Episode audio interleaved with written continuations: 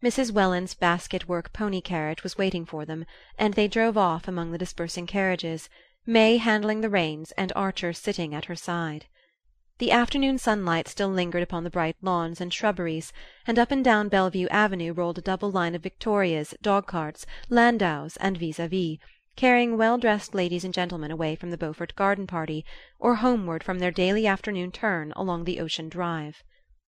"Shall we go to see granny?" May suddenly proposed. "I should like to tell her myself that I've won the prize. There's lots of time before dinner." Archer acquiesced, and she turned the ponies down Narragansett Avenue, crossed Spring Street, and drove out toward the rocky moorland beyond. In this unfashionable region Catherine the Great, always indifferent to precedent and thrifty of purse, had built herself in her youth a many peaked and cross beamed cottage ornée, on a bit of cheap land overlooking the bay. Here in a thicket of stunted oaks her verandas spread themselves above the island dotted waters. A winding drive led up between iron stags and blue glass balls embedded in mounds of geraniums to a front door of highly varnished walnut under a striped veranda roof; and behind it ran a narrow hall with a black and yellow star patterned parquet floor, upon which opened four small square rooms with heavy flock papers under ceilings on which an Italian house painter had lavished all the divinities of Olympus. One of these rooms had been turned into a bedroom by Mrs. Mingott when the burden of flesh descended on her and in the adjoining one she spent her days, enthroned in a large arm-chair between the open door and window, and perpetually waving a palm-leaf fan which the prodigious projection of her bosom kept so far from the rest of her person that the air it set in motion stirred only the fringe of the antimacassars on the chair-arms. Since she had been the means of hastening his marriage, old Catherine had shown to Archer the cordiality which a service rendered excites toward the person served. She was persuaded that irrepressible passion was the cause of his impatience, and being an ardent admirer of impulsiveness, when it did not lead to the spending of money, she always received him with a genial twinkle of complicity and a play of allusion to which May seemed fortunately impervious.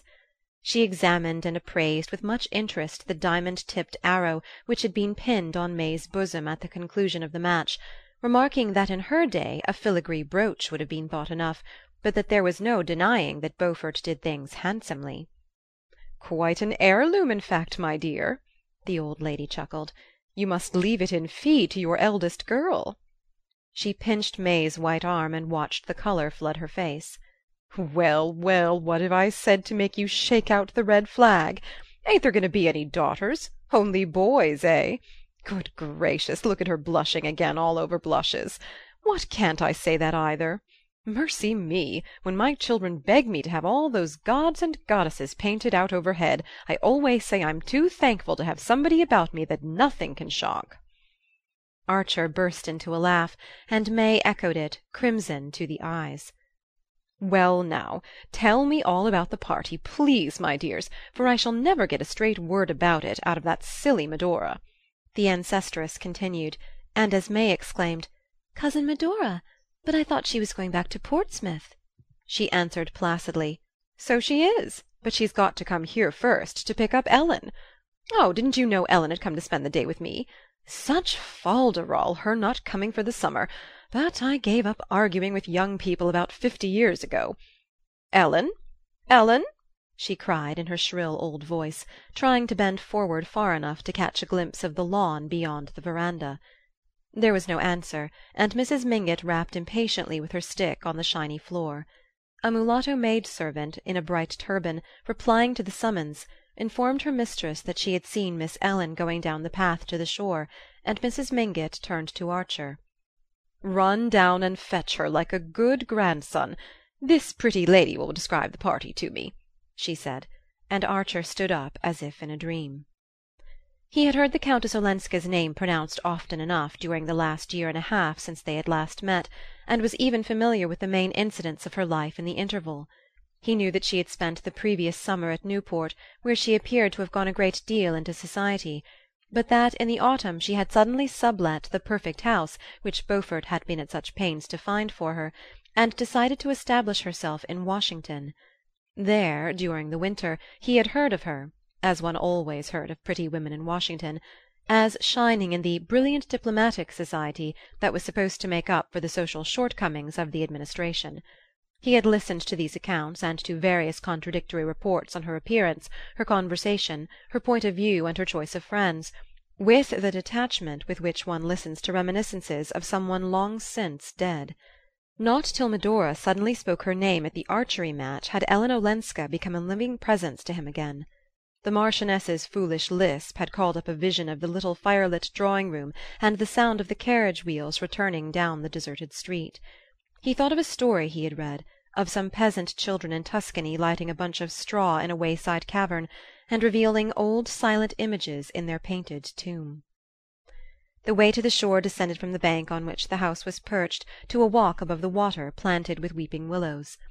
Through their veil Archer caught the glint of the lime rock, with its whitewashed turret, and the tiny house in which the heroic lighthouse keeper, Ida Lewis, was living her last venerable years.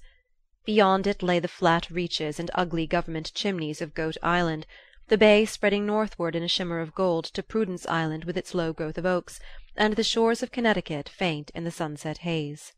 From the willow walk projected a slight wooden pier ending in a sort of pagoda like summer house, and in the pagoda a lady stood, leaning against the rail, her back to the shore.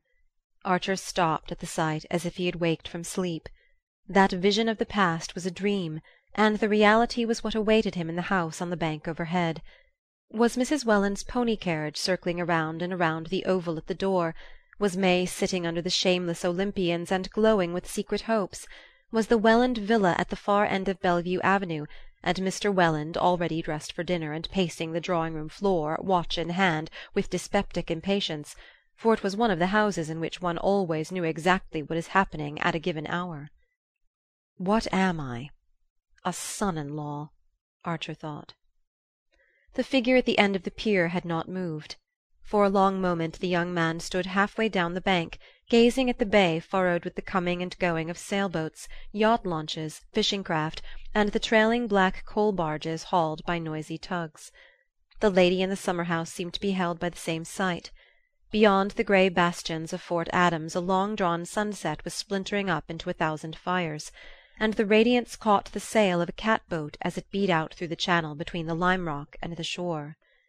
Archer, as he watched, remembered the scene in the Shaughraun, and Montague lifting Ada Dyas's ribbons to his lips without her knowing that he was in the room. She doesn't know. She hasn't guessed. Shouldn't I know if she came up behind me, I wonder? he mused; and suddenly he said to himself, If she doesn't turn before that sail crosses the Lime Rock light, I'll go back. The boat was gliding out on the receding tide. It slid before the lime rock, blotted out Ida Lewis's little house, and passed across the turret in which the light was hung. Archer waited till a wide space of water sparkled between the last reef of the island and the stern of the boat, but still the figure in the summer house did not move. He turned and walked up the hill. "I'm sorry you didn't find Ellen. I should have liked to see her again," May said as they drove home through the dusk. But perhaps she wouldn't have cared. She seems so changed." "Changed?" echoed her husband in a colourless voice, his eyes fixed on the pony's twitching ears. "So indifferent to her friends, I mean giving up New York and her house and spending her time with such queer people. Fancy how hideously uncomfortable she must be at the Blenkers'. She says she does it to keep cousin Medora out of mischief, to prevent her marrying dreadful people. But I sometimes think we've always bored her. Archer made no answer, and she continued with a tinge of hardness that he had never before noticed in her frank fresh voice: "After all, I wonder if she wouldn't be happier with her husband." He burst into a laugh. "Sancta simplicitas!" he exclaimed; and as she turned a puzzled frown on him he added: "I don't think I ever heard you say a cruel thing before." "Cruel?"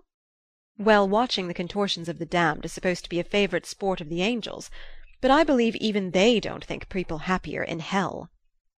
"It's a pity she ever married abroad, then," said May, in the placid tone with which her mother met Mr. Welland's vagaries; and Archer felt himself gently relegated to the category of unreasonable husbands. They drove down Bellevue Avenue and turned in between the chambered wooden gate posts surmounted by cast iron lamps which marked the approach to the Welland villa. Lights were already shining through its windows, and Archer, as the carriage stopped, caught a glimpse of his father in law, exactly as he had pictured him pacing the drawing-room, watch in hand, and wearing the pained expression that he had long since found to be much more efficacious than anger. The young man, as he followed his wife into the hall, was conscious of a curious reversal of mood. There was something about the luxury of the Welland house and the density of the Welland atmosphere, so charged with minute observances and exactions, that always stole into his system like a narcotic the heavy carpets, the watchful servants, the perpetually reminding tick of disciplined clocks, the perpetually renewed stack of cards and invitations on the hall table, the whole chain of tyrannical trifles binding one hour to the next, and each member of the household to all the others made any less systematized and affluent existence seem unreal and precarious. But now it was the Welland house, and the life he was expected to lead in it, that had become unreal and irrelevant, and the brief scene on the shore, when he had stood irresolute, half way down the bank, was as close to him as the blood in his veins. All night he lay awake in the big chintz bedroom at May's side, watching the moonlight slant along the carpet and thinking of Ellen Olenska driving home across the gleaming beaches behind Beaufort's trotters.